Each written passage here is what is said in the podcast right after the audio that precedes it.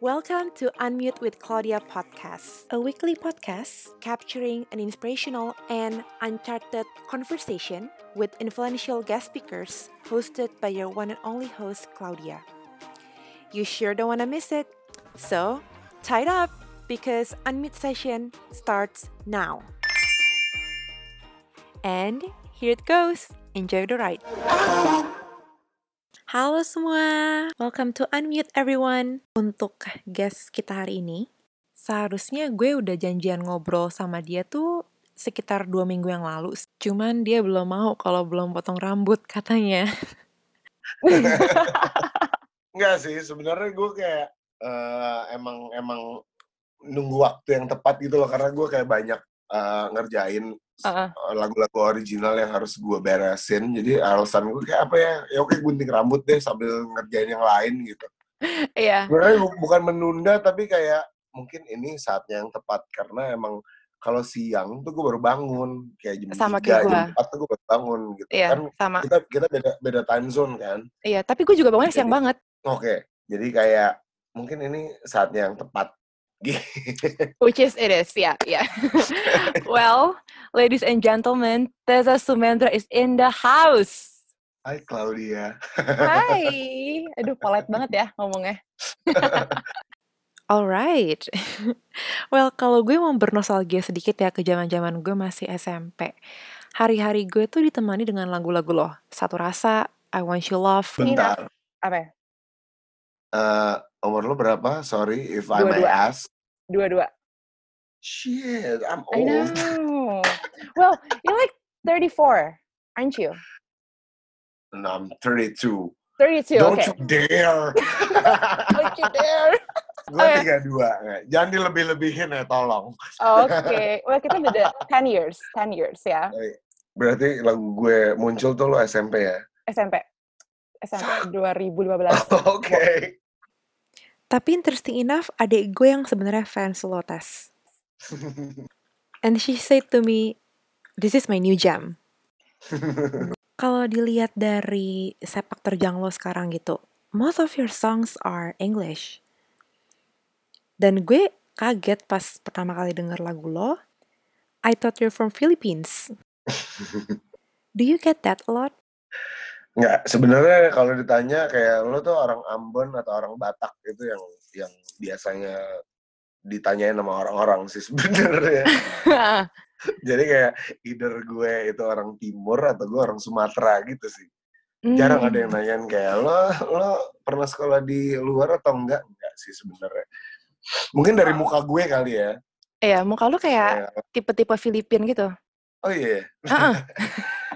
Pinoy. Pinoy, kayak Aja Rafael, Bo. Ada sih yang bilang gitu. Kalau dibilang Pinoy, dibilang Thai, dibilang Ambon, dibilang eh, Batak gitu sih sebenarnya. Heeh. But it's okay. I take that as a compliment. Mhm, mhm. Tapi lo pribadi ada alasan sendiri nggak kenapa mostly lagu-lagu lo itu bahasa Inggris? Oke, sebenarnya bahasa Indonesia gue kosakata bahasa Indonesia gue tuh nggak nggak seluas itu. Mm-mm. Di- Kalau mau dibikin baku, dibikin puitis tuh gue nggak nggak sekompeten itu loh untuk bikin bahasa Indonesia dengan diksi dan arti yang puitis dan bagus tuh gue nggak gue nggak bisa gitu. Oke. Jadi yang yang, yang gue punya tuh bahasa Inggris yang secukupnya gitu loh. Hmm. Jadi kayak gue nulis nulis lagu dan nyanyiin lagu-lagu bahasa Inggris yang memang kalau lo artiin itu tuh kayak basic sebenarnya. Tapi Iya but it sounds sophisticated because it's it's English gitu kan. Iya, kalau buat orang Indo mungkin kayak wow bahasa Inggris, tapi kayak buat orang luar kayak oh basic gitu sebenarnya. Alasannya seperti itu sih, segampang itu alasannya. Hmm. Tapi pertanyaan besarnya nih ya, Tes. Lo lahir dari keluarga yang sangat supportive gitu dalam hal musik. Even bokap lo aja, he has his own band. Iya. Dan bokap lo juga a huge fan of lagu-lagu Motown kan, kayak Stevie Wonder gitu. Nah, question is, sejak kapan lo tahu that you wanna do music for living? Kayak a point in life where you realize that suara lo itu patut untuk diperjualkan. Sebenarnya gue sadar kalau gue bisa nyanyi itu dari kecil. Mm-hmm. dari SD gitu. Kayak memang gue tahu gue gue tuh nggak tone deaf gitu. Jadi gue tak gue tahu nada yang bener kayak apa terus gue cara menyanyikan lagu yang bener kayak apa tuh gue tahu dari kecil. Tapi pas SM uh, dari SD SMP SMA tuh gue gue kayak punya vision kalau misalnya oke okay, gue memang suka musik tapi kalau misalnya gue bisa ngambil kuliah lain other than music itu tuh hmm. apa dan gue ambil desain grafis di Trisakti jadi kayak Trisakti. Mm-hmm. Jadi dari dari situ tuh gue punya punya pemikiran kalau misalnya gue nggak survive suatu saat di musik, at least gue punya kemampuan lain gitu. Mm. Dan dan dan sebenarnya dulu yang yang emang emang apa yang mendukung 100% tuh cuma bokap.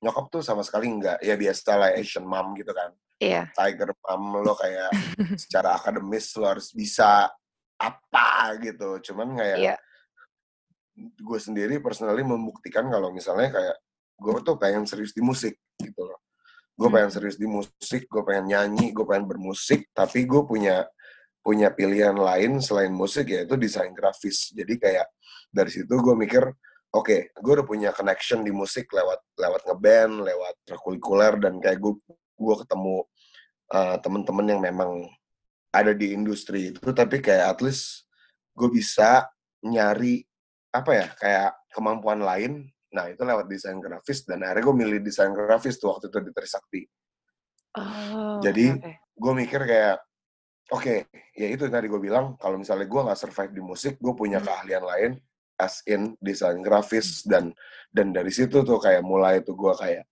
uh, reguler di cafe terus gue ngeband sama Chlorophyll terus gue ngeband yeah. akhirnya gue bisa main di Jack Jazz tapi gue tetap kuliah waktu itu mm -hmm jadi kayak gue menjalankan dua-duanya sampai akhirnya kayak I choose my path as a singer and musician and a singer songwriter sampai saat ini deh sekarang hmm. dan ya ya thank God itu berjalan sesuai yang gue gue inginkan gitu loh. Mm -hmm. But with all the achievements and the fame that you have to this day, you travel solo test. What I mean by solo is lo musisi independen yang gak terkait dengan kontrak label gitu. You must be proud of yourself. Dan dengan jurusan graphic design ini, at least kepake lah ya buat desain-desain cover single lo itu. Nah dulu pas orang-orang tanya, what do you wanna be in the next five years? Apakah jawaban lo itu udah ada kaitannya dengan dunia musik dan menjadi musisi independen?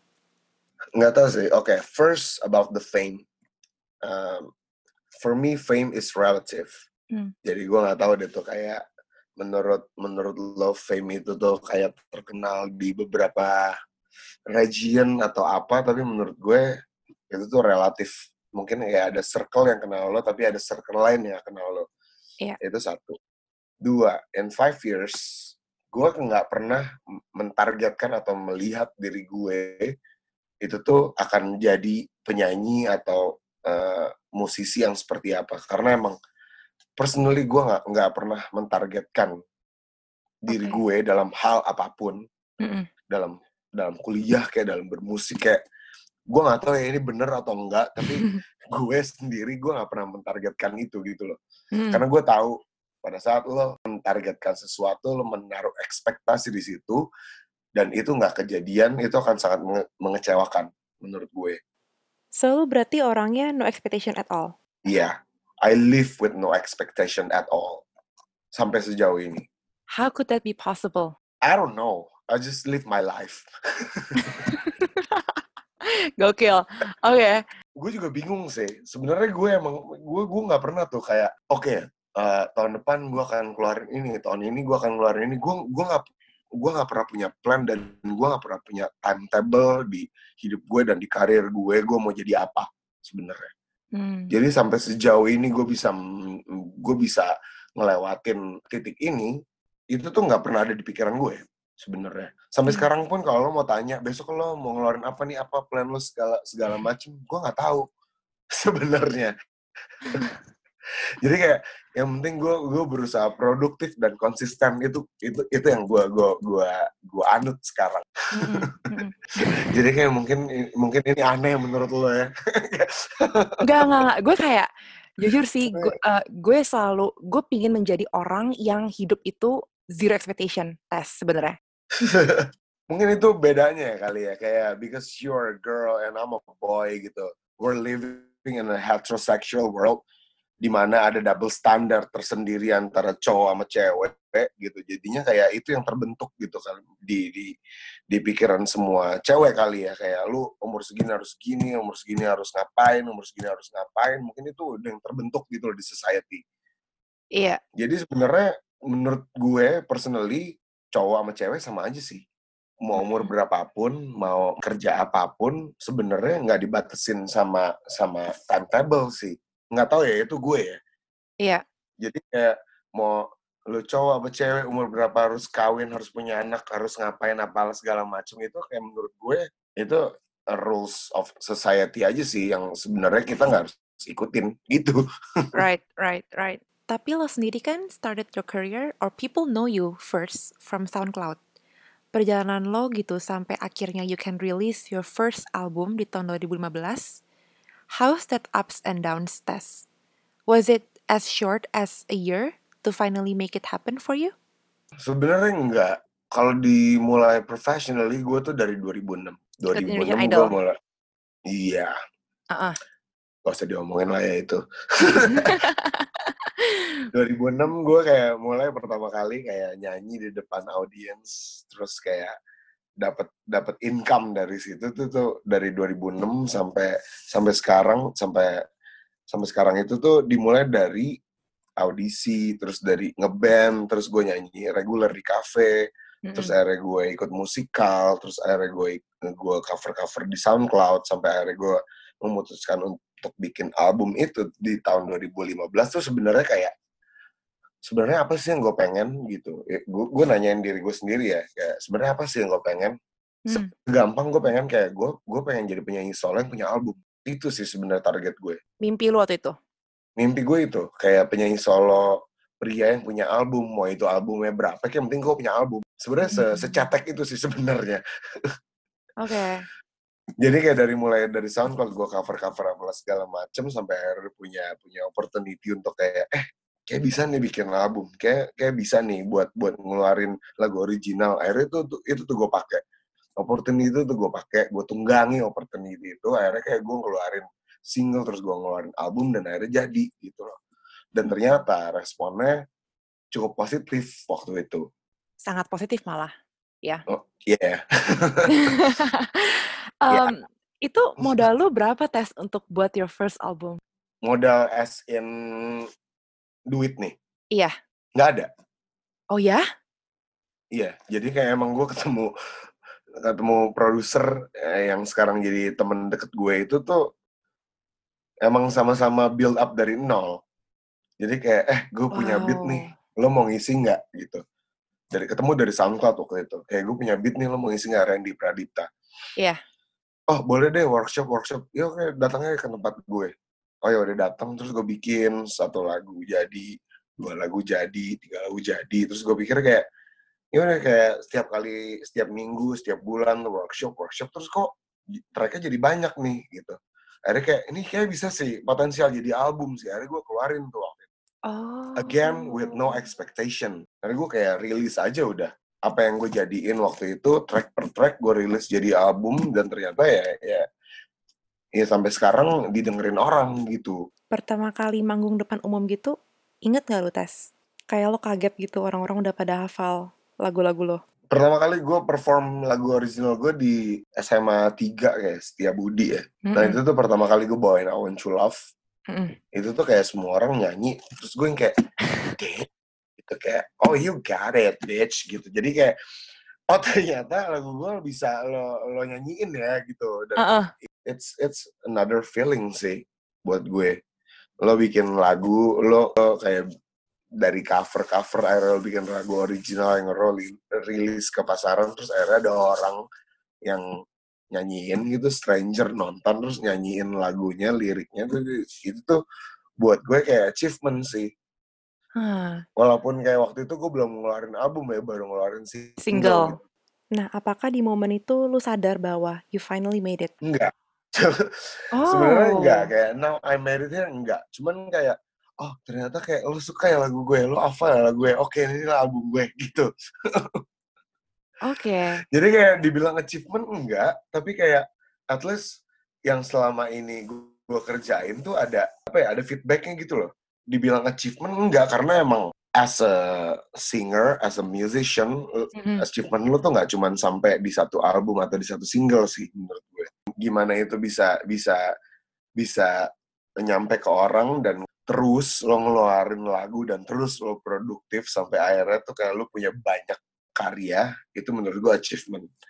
Tapi kalau misalnya kayak satu lagu dan dan itu orang bisa diterima orang dan dan akhirnya kayak gue tahu ternyata mereka tuh oh ke sini ya apa genrenya oh lo lo kayak bisa tahu uh, marketnya lo bisa tahu segmennya tuh ke sini dan dari situ dan menurut gue itu belum achievement tapi itu tuh kayak opening the gap for me gitu sih Hmm. dan dan lo lo tahu apa yang lo mau dan tahu apa yang lo tuju Iya, iya. Berarti bisa dibilang dong ya, waktu itu pas ditawarin Randy Pradipta untuk musik, that was the life-changing experience for you. Like opening the gate at least. Iya. Hmm. bisa dibilang seperti itu sama karena karena emang itu pertama kali gue punya ori- eh, lagu original selain cover ya kan waktu itu kan gue di SoundCloud cover cover gitu kan Ah, baru gue punya original dan dan orang bisa nyanyiin dan bisa terima itu tuh life changing yes karena emang gimana ya selama ini lo dihargain karena lo nyanyiin lagu orang mm-mm. terus pada saat lo punya lagu original lo nyanyiin lagu lo sendiri dan orang tahu itu lagu lo dan orang tuh bisa nyanyiin lagu lo it's a life changing moment for me personally Hmm. The fact that lo mengawali karir lo itu di ajang pencarian bakat di tahun 2006, terus vokalis band Chlorophyll, dan akhirnya pas tahun 2009 itu lo diajak sama legend musik Indonesia, Mas Indra Lesmana. Iya. Terus juga pernah main sama Andes, dan sampai akhirnya lo jadi penyanyi langganan di Java Jazz Festival gitu. Iya. Kayaknya nggak lengkap aja kan kalau Java Jazz Festival tuh nggak ada Teza Sumendra. But the fact that you work with Indra Lesmana, like a jazz maestro, how did you feel, Tess? itu eh, satu hal yang nggak pernah gue pikirin sih sebelumnya karena kayak siapa sih yang pernah mikirin kayak tiba-tiba lo diajak Indra Lesmana gitu terus kayak tiba-tiba kayak eh lo mau nggak bikin album kolaborasi sama gue? Itu tuh nggak pernah ada di pikiran gue sih. Jadi kayak the fuck? Gitu. Jadi sebenarnya dari dari situ juga tuh akhirnya gue bisa kenal dan gue bisa apa ya involve di industri ya memang memang karena pertama karena dia. Terus dari dari kolaborasi dia gue bisa kenal sama semua musisi-musisi yang ker- kerja di industri dan gue bisa diajak collab dan diajak ke event-event jazz di Jakarta tuh karena dia sih pertama kali. Hmm. nggak pernah ada di pikiran gue gitu. Dan dari situ tuh gue belajar gitu loh. Kayak oh jazz tuh gini ya. Oh belajar musik tuh gini. Oh riff and runs tuh gini ya. Oh rootsnya R&B and soul tuh dari sini ya. Gitu loh. Hmm. jadi memang memang selain pertama itu nggak pernah ada di pikiran gue. Dan itu tuh jadi ilmu yang bisa gue ambil sampai sekarang sih yang gue pelajarin sampai sekarang sih. Kalau dari jadi kayak kalau dari ajang pencarian bakat itu sendiri, apakah menurut lo itu merupakan suatu stepping stone buat lo? Apa you think that even without that talent show you can make it anyway? oke kalau dari ajang pencarian bakat as in career Mm-mm. Emang itu nggak nggak berpengaruh sama sekali at all gitu. Iya. Cuman bisa ketemu Indra Lesmana, bisa ketemu orang-orang yang berpengaruh di industri itu emang dari acara itu sih. Kalau nggak ada acara itu gue nggak bisa Hmm. kenal Indra Lesmana. Gitu, to be honest Oke. gitu. Mm-mm. Cuman kan yang menentukan karir bermusik gue, yang menentukan gue cari makan dari sini, gue cari duit dari sini tuh memang bukan dari acara itu. Gitu loh. Iya. Mm-mm. tapi personally ketemu orang-orang yang berpengaruh tuh memang dari acara itu tapi bukannya bukannya gue being ungrateful little bitch ya cuman emang Iya. emang 50-50 sih Jadi kayak 50 gue bisa ketemu orang-orang berpengaruh, tapi 50% juga mereka nggak nggak punya uh, mereka nggak signifikan di karir gue gitu loh. Iya, yeah, I think it's fair to actually say that sih menurut gue karena uh, again ya, you have climbed your mountain to that far gitu loh and you deserve the credit menurut gue. So I think 50-50 that's that's a very fair answer. Nah, lo sekarang sebagai musisi gitu kan, ada risk di mana lagu-lagu dan fame lo itu tenggelam. Either ditimpa sama artis pendatang baru, atau musik lo jadi one hit wonder. Ketika I Want Your Love sama Satu Rasa itu keluar, dan itu hits banget, and honestly itu yang membuat nama Teza Sumendra besar di Indonesia, lo pernah gak sih merasa takut? Nah itu dia yang tadi gue bilang. Pada saat gue ngeluarin uh, album, hmm. as a solo singer, I live with no expectation. Jadi sebenarnya ketakutan itu nggak ada sih, karena emang gue cuma ngeluarin apa yang bisa gue rilis gitu. Gue cuma ngerilis lagu yang emang gue suka, yang kayak, well this is my shit, I'm gonna release it gitu. Mm -mm. Jadi kayak emang it, itu sih. Jadi kayak ketakutan itu nggak pernah ada di kepala gue bakal itu jadi one, one hit wonder kayak atau itu bakal puter di mana pun emang itu nggak pernah ada di bayangan gue sejauh ini karena emang emang gue nggak pernah punya pemikiran kalau gue akan jadi penyanyi yang seperti apa eh, punya lagu yang akan diputer di mana atau di didengerin sama siapa jadi kayak gue nggak pernah punya patokan itu sebenarnya. Hmm.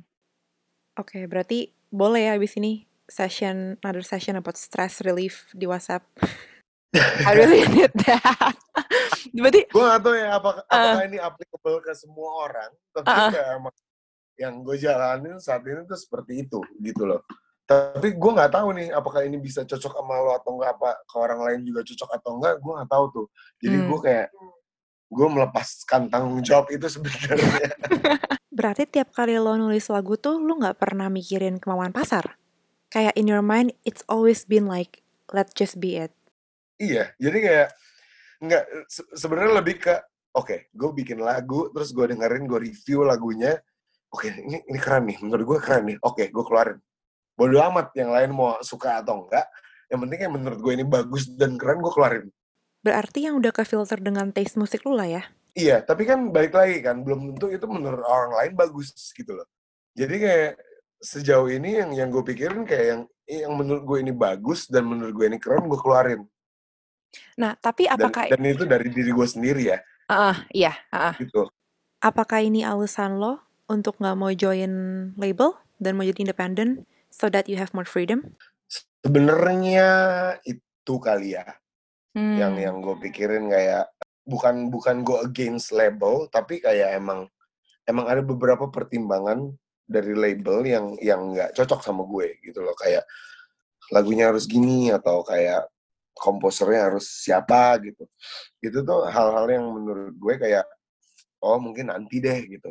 Itu yang selalu jadi pertimbangan gue kayak kalau misalnya gue bisa bikin sendiri dan gue tahu secara uh, kreativitas gue maunya ke mana gue kerjain hmm. sendiri dulu aja gitu hmm. Dan dan yang itu yang gue lakukan sampai sekarang. Bukan berarti gue kayak nggak mau nih kalau misalnya ada label yang nyuruh eh, minta gue kayak eh mau nggak lo masuk sini? Tapi lagunya terserah lo. Ya gue mau gitu. Siapa yang nggak mau? Iya. Iya iya iya iya. Gitu sih. Uh -uh.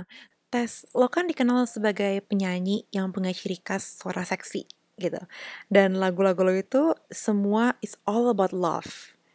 Does it based on your experience? Why love satu karena memang apa ya itu yang paling relatable sih sama orang dan gue gitu ya karena mm -hmm. kayak kayak everyone feels the love gitu you're right ya, iya kan kayak siapa kayak siapa pernah suka sama siapa even even kayak sama orang tua sendiri kayak everyone feels the love gitu cinta itu tuh kayak hal yang paling relatable yang as a human being yang yang bisa kita rasain gitu kan Iya. Yeah. mau sama siapa pun itu gitu jadi kenapa itu yang gue pilih karena memang that's a, that's some honest review of of life gitu. Honest review dari, of life. lagu kayak, iya. Kayak lo lo bisa apa ya represent itu tuh di lewat lagu kayak lewat buku kayak lewat puisi kayak lewat kata-kata kayak cinta itu adalah hal yang paling relatable ke semua makhluk hidup gitu. Hmm. Jadi menurut gue itu tuh hal yang paling basic yang bisa dijadiin konten di lagu karena gue lo siapa pun mm -mm. itu bisa ngerasain. Dulu mungkin five years ago jadi musisi di Indonesia itu kan bener-bener from scratch ya, meaning manggung dulu di cafe. Gue tau lu dulu sempet ngamen di cafe GI. Oh iya benar. Oh iya, lo tau sih. of course, I've done my research. Terus cover lagu-lagu di SoundCloud, dan buat lagu single dan either masuk label or kayak lo sekarang jadi musisi independen. Menurut lo zaman sekarang ini masih perlu gak sih kayak gitu patternnya untuk menjadi musisi di Indonesia? Loh, justru sekarang menurut gue sangat relevan sih karena gue sama Randy itu tuh bermulai dari SoundCloud, mm -mm. which is internet.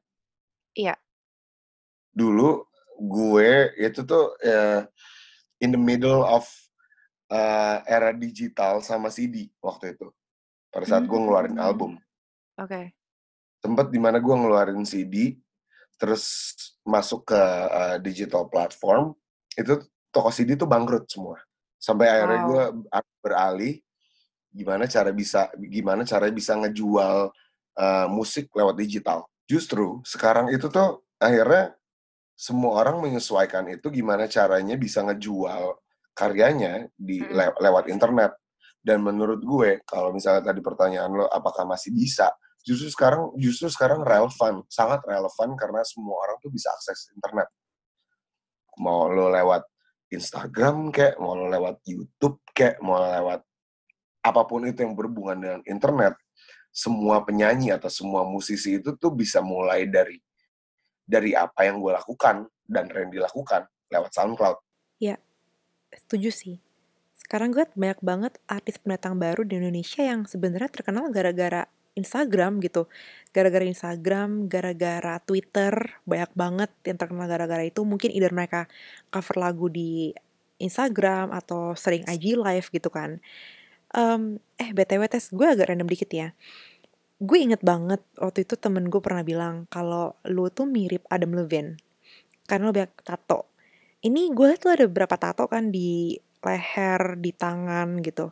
Mana sih yang paling sentimental? Ini mungkin perks gue ya sebagai yang menginterview lo, gue bisa melihat langsung tato lo mana yang lo refer. Iya. yeah. Itu ya yang di belakang leher. Di leher. Apa tuh ini tulisan dan artinya? Ini quote-nya Kahlil Gibran, gue apa ya, gue gue kutip gitu.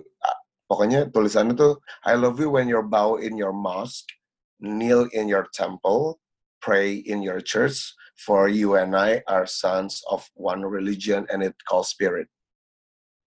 Wow.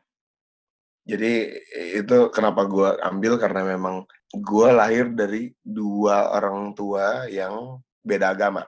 Mm -mm. Dan menurut gue uh, perbedaan agama mereka kayak nggak ada nggak ada hubungannya sama apa yang apa yang dihasilkan sekarang ini nih.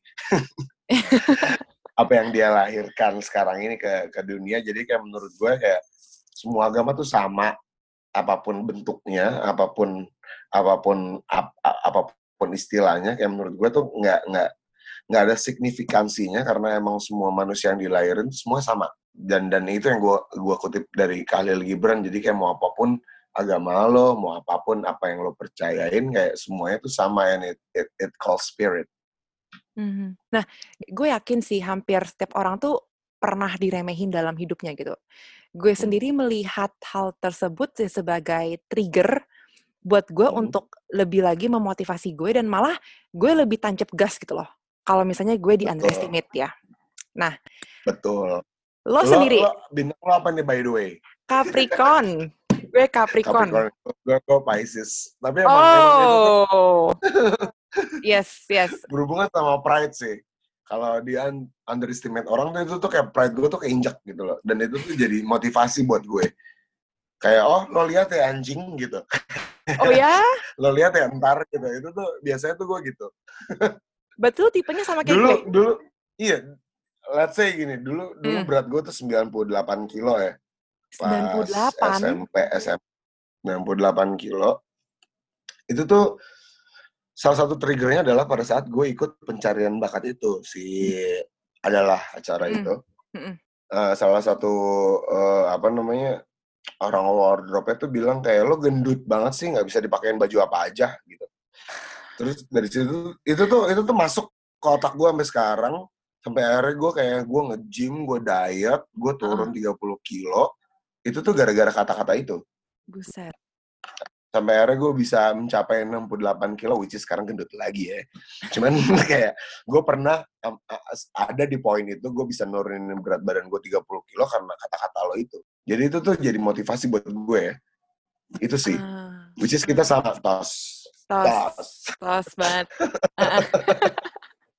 Tapi nih, tes lu kan kayak, oke, lu orangnya stress free, lo um, have zero expectation about anything, including yourself. Tapi lu sebagai human being gitu, there must be a lowest moment in your life. What was it? Sebenarnya kalau dibilang gini, gue bingung sih. Gue tuh nggak pernah yang kayak ketabrak atau gue nggak pernah punya turning point yang bikin gue kayak shit gue harus gini. Enggak sebenarnya. Kalau Hmm. dibilang hidup gue kayak enak-enak aja sejauh ini, gue gue I have to admit that my life is good. Karena emang gue gue nggak pernah punya turning point yang bikin gue kayak shit gue harus kayak gini ya, gue harus kayak gini, gue harus ngerubah strategi, harus jadi apa segala macem. Gue tuh nggak pernah ngerasain hal itu sih. To be honest. Mungkin karena emang itu ya kayak dibilang kayak gue harus ngapain, terus gue kayak harus bersusah-susah apalah segala macem. Mungkin sekarang kali kayak aren't we all? This is our turning point gak sih? Corona ini. Iya, ya kan? Yep. Jadi Hmm. kayak mungkin mungkin kalau lo tanya turning point gue mungkin sekarang nih.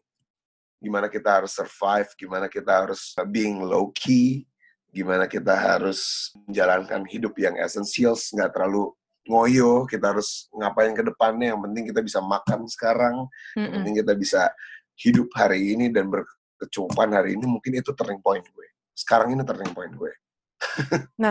Lo sendiri gimana cara menghadapi turning point itu sama corona ini? itu tadi yang gue bilang gimana gue bisa memikirkan hal-hal essentials yang tadinya gue nggak pernah pikirin satu kayak misalnya pulang pergi cuci tangan hand Hmm. sanitizer apakah kita pernah memikirkan hal itu sebelum corona Gitu. iya kan kayak, Mm-mm. kayak memang itu tuh hal-hal yang nggak pernah kita pikirin sebelumnya tapi menurut gue kayak shit this is deep gitu kayak ini tuh penting Hmm. ternyata. Kayak menjaga kebersihan kayak ke personal hygiene yang akhirnya kita pikirin. Itu tuh yang akhirnya akhirnya gue mikir kayak mungkin ini turning point gue dan gimana kayak akhirnya gue bisa mikirin hal yang sebenarnya harus kita pikirin hari ini sebelum kita mikirin hal-hal ke depannya gitu loh. Yang penting kita bisa bersih hari ini dan kita bisa hidup hari ini. Itu sih. Iya, berarti banyak hal-hal undercover yang nggak pernah ke expose sebelumnya iya dan ngebuat lo Dan- realize di corona ini.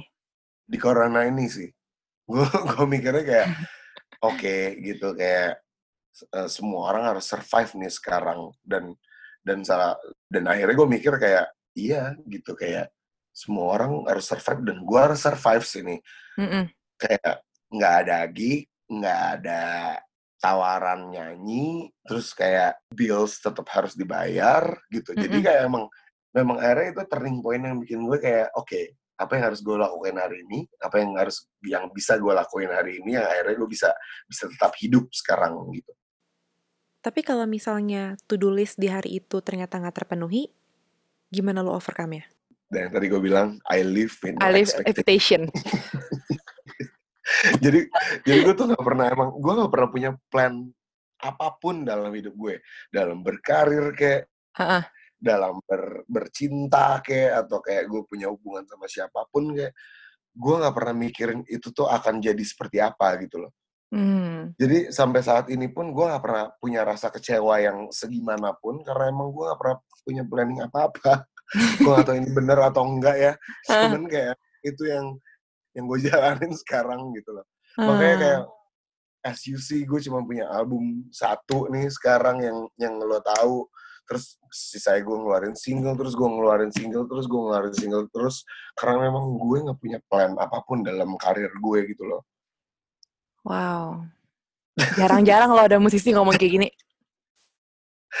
gue nggak tahu ya ini bener atau enggak ya jangan ikutin gue deh kalau yang denger nih karena Well, emang, emang well lu udah lu udah one of many successful story sih. Jadi ya, gue gak tau ya sukses in your in in your level itu tuh relatif seperti apa kayak gak yeah. sama orang lain gitu kan. Iya. Yeah. Cuman emang bedanya itu kali ya mungkin karena gue indie dan gue gue nggak nggak sign kontrak sama siapa pun itu yang hmm. yang bikin gue jadi freestyle banget.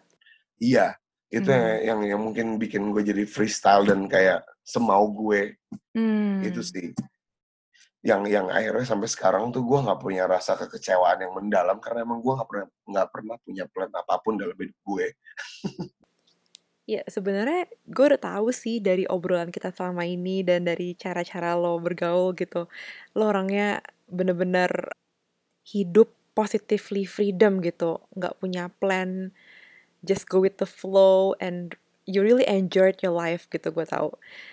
Tapi kan pendengar yang dengerin hari ini kan nggak tahu gitu loh sisi lo yang seperti ini kan. Mungkin beberapa dari mereka tuh mengassume bahwa lo orangnya sombong, mukanya kayak songong seksi.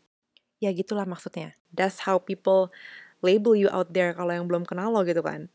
I get that a lot gitu kayak semua orang tuh bilang gue sombong dari muka ya lah Bo tapi kan ya lu gak bisa ganti muka lu by the way it is tapi ya baik lagi kan we cannot control things outside from ourselves gitu kan. Jadi yeah. kayak ya udahlah ya biasanya orang sombong kayak atau apa kayak you cannot control things around you. You can you you can only control yourself gitu. Jadi kayak ya udah.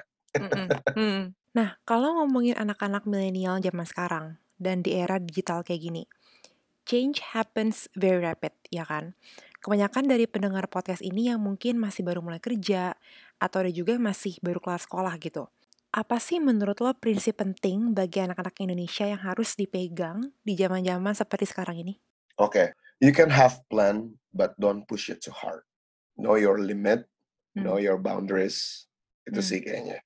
Oke, okay, kalau dari dari personally dari gue, gue emang gak punya plan, tapi kayak lo semua harus punya plan, tapi kayak don't push it too hard. Hmm. Lo harus tahu limit lo seberapa, kemampuan lo seberapa, jalanin aja, trust the process. Yes. Karena menurut gue proses itu tidak mengkhianati hasil. Itu yang selalu gue percaya. Mau seberapa lama itu atau seberapa cepat itu, Mm-mm. lo enjoy the process. Hmm. Mau apa pun jadinya nanti ya. Iya. Yeah. Yeah. Karena kayak the process is fun, it's fucking fun, it's totally fun gitu. Yeah. Apa pun itu gitu. hmm. Mm-hmm. Lo bisa ketemu orang baru, lo bisa ketemu ilmu baru gitu itu dari proses gitu loh. Jadi kan menurut gue trust the process. Ya, yeah, trust the process menurut gue itu tuh hal yang paling menurut gue stress free sih. Hmm. Interesting. How can that be? Jadi kayak apa pun apa pun yang lo kerjain, apa pun yang lo jalanin sekarang gitu kayak jangan don't aiming for the goal but trust your process. Hmm. Goalnya itu tuh bonus lah kayak jangan expect itu karena karena hal yang nggak expect pada saat lo tahu nanti hasil akhirnya itu tuh akan jadi achievement yang sangat berharga buat lo gitu sih. I agree. what do you want to achieve in life, Tess? To live my life. To live your life. Live my life to the fullest, apa pun itu. Mau nanti akhirnya gue gak jadi musisi atau penyanyi kayak yang penting kayak gue bahagia sampai akhir. Malah bukan yang kayak lu mau punya rumah ini, lu mau punya... Enggak sih. Enggak ya? Enggak so, sih. Mau even gue ngontrak atau gue tinggal di apartemen seumur hidup gue, tapi gue mati bahagia tanpa meninggalkan uh, masalah apa pun, itu tuh life goal gue. Berarti lu nggak lu nggak consider diri lu sebagai orang yang materialistis ya berarti? Enggak sih. Kalau materialistis mungkin gue gak akan ngekos sih sekarang. gue udah aiming for something bigger gitu. uh, well, nggak afdol banget kalau kita cabut tanpa gue nanya ini ke lo. If you can have a music festival, of your own. Hmm. Lo mau undang siapa atau lo mau kolaborasi dengan siapa? Aduh, banyak sih sebenarnya. Music Soul Child? Music Soul Child, of, yes. of course. Yes. Maxwell, of course. Mm -mm. Terus kalau misalnya kayak penyanyi lokal tuh gue pengen ada Anggun di music festival gue. Ooh. Terus gue kayak pengen ada Mattermost di music festival gue terus international artis gue pengen ada Pharrell Williams. Yes. Ini kan halu nggak apa-apa ya. Halu. halu Tapi Pharrell Williams harus ada sih di di line up-nya. What do you admire the most from Pharrell? Lo tau gak sih kalau dia tuh uh, sinestesia? Gak. Jadi Pharrell Williams itu tuh sinestesia, which is sinestesia Wow. itu adalah orang yang bisa menggabungkan kelima indranya gitu loh. Jadi kayak misalnya dia denger sound terus dia tahu warnanya apa. Misalnya dia nyium, dia nyium bau terus dia tahu nadanya apa. Itu tuh Itu- Pharrell Williams. Itu beneran ada orang kayak gitu? Itu ada orang kayak gitu. Pharrell Williams, Stevie Wonder tuh sinestesia. Lord tuh sinestesia. Wow. Jadi jadi menurut gue it's a gift yang yang pengen gue pelajari tuh kayak kenapa lo bisa menggabungkan semua sound dan menggabungkan semua chord jadi satu kesatuan yang kayak bisa lo gambar gitu loh. Mm-mm. Nah, itu tuh yang yang yang gue, gue admire dari Pharrell tuh dia dia bisa bikin sound chord beat yang jadi satu dan semuanya Iya. pas karena emang dia bisa dia bisa menggabungkan semua indera yang ada di badannya gitu loh. Wow, that's real. Stevie Wonder gitu. Jadi kayak emang walaupun dia kayak nggak bisa lihat tapi dia kayak bisa ngerasain gitu lah nada yang dipencet nih warnanya apa ya. Kayak Iya. nada yang dipencet nih kalau misalnya bau tuh wanginya apa ya gitu. Itu orang-orang kayak gitu tuh kayak damn, Itu next level sih, Dut. itu next level tuh. Oh my God. Well, nggak kerasa ya, kita udah ngobrol-ngobrol selama hampir satu jam. Wow. Iya. Um, Iya dari jam 4 coy. iya, well nggak, ini pertama kalinya ya guys, gue ngobrol sama eh, narasumber gue, yang di mana gue nggak terbebani gitu loh jamnya. yang terbebani nih, si Teza nih. Jam berapa sekarang di Indo? Jam, Jam- jam 5. Sebenarnya gue nggak terbebani sih, gue terbe terbebani karena gue telat sejam, maaf banget. Aduh, lo lo bisa ganti gue dengan nanti kita ngawain aja di Menteng gimana? Boleh. Well, me. Yes, yes, gue bakal um, hit you up, hit you up for sure. So, what's next for you? Gue jujur banget dari lo, gue nungguin lo buat lagu dangdut, Bo. Hah, serius loh. Serius, Gua- serius. gue suka sih lagu dangdut, tapi gue nggak bisa nyanyiinnya. gue dengerin gitu lagu dangdut, tapi gue nggak bisa nyanyiin. Susah coy. Gue salut banget, susah. respect gue sama Ayu Ting Ting gitu-gitu. iya beneran. Dangdut tuh, dangdut tuh apa ya kayak lagu rakyat gitu loh. Lo bisa bisa manggung, bisa Heeh. mencakup semua kalangan gitu ya satu negara gitu. Lo bisa manggung di depan orang banyak yang kayak levelnya tuh banyak gitu loh dan dan Mm-mm. dan bisa menguasai semua semua penontonnya itu menurut gue tuh satu hal yang kayak gue nggak bisa gue gue kayak nggak bisa punya kemampuan itu sih dan menurut gue dangdut tuh grassroots Damn. But what's next for you? I know you are a man without plan and expectation, but you must have something on this. next for me uh, I think I'm gonna release something new this year no rush Uh-huh. but I mean, every time I meet with a musician and gua ngomong sama musisi, the conversation never ends. So I cannot wait to invite you back here and not be able to have you. karena karena gue tuh lagi nunggu-nunggu nih lo bales gue kayak aduh di sorry gue lagi sibuk jadwal gue padet gitu itu kayak Anjay. dalam hati gue tuh kayak Corona coy ya. Let's be realistic Gak ada tuh jadwal-jadwal itu kayak dalam hati mungkin gue mikir kayak oh my god Tess I'm so happy for you tapi sekarang kan fasenya lagi lagi slow lagi santai gara-gara lagi pandemi gini jadi kalau gue ngomong oi besok malam bisa nggak nah itu kan dalam hati gue tuh sedikit agak iba ya kok ini orang san- santai bener gitu well I hope it all work out Tess thank you once again Eh, for being here Thank you so much for having me. It was a good conversation. Gue enjoy banget sih ini santai, santai banget sih. Obrolan yang sangat santai and I can be myself. My pleasure, Tess. Thank you so much for being here. Thank you for opening up your story to us. Eh, BTW, nyanyi dikit dong. I Want Your Love. I wanna hear it. I want your love, baby. Baby, I've been looking at you. I want to touch your love, baby. Ooh, baby, I've been thinking about you. We can make some love, baby. And take that closer off on you. You can take your love, baby. Do whatever you want to do. Woohoo! Tessa Sumendra, ladies and gentlemen. Tess, thank you so much. So much, Claudia. Audi. This is Claudia. And this is Tessa Sumendra. See you all next week. Bye.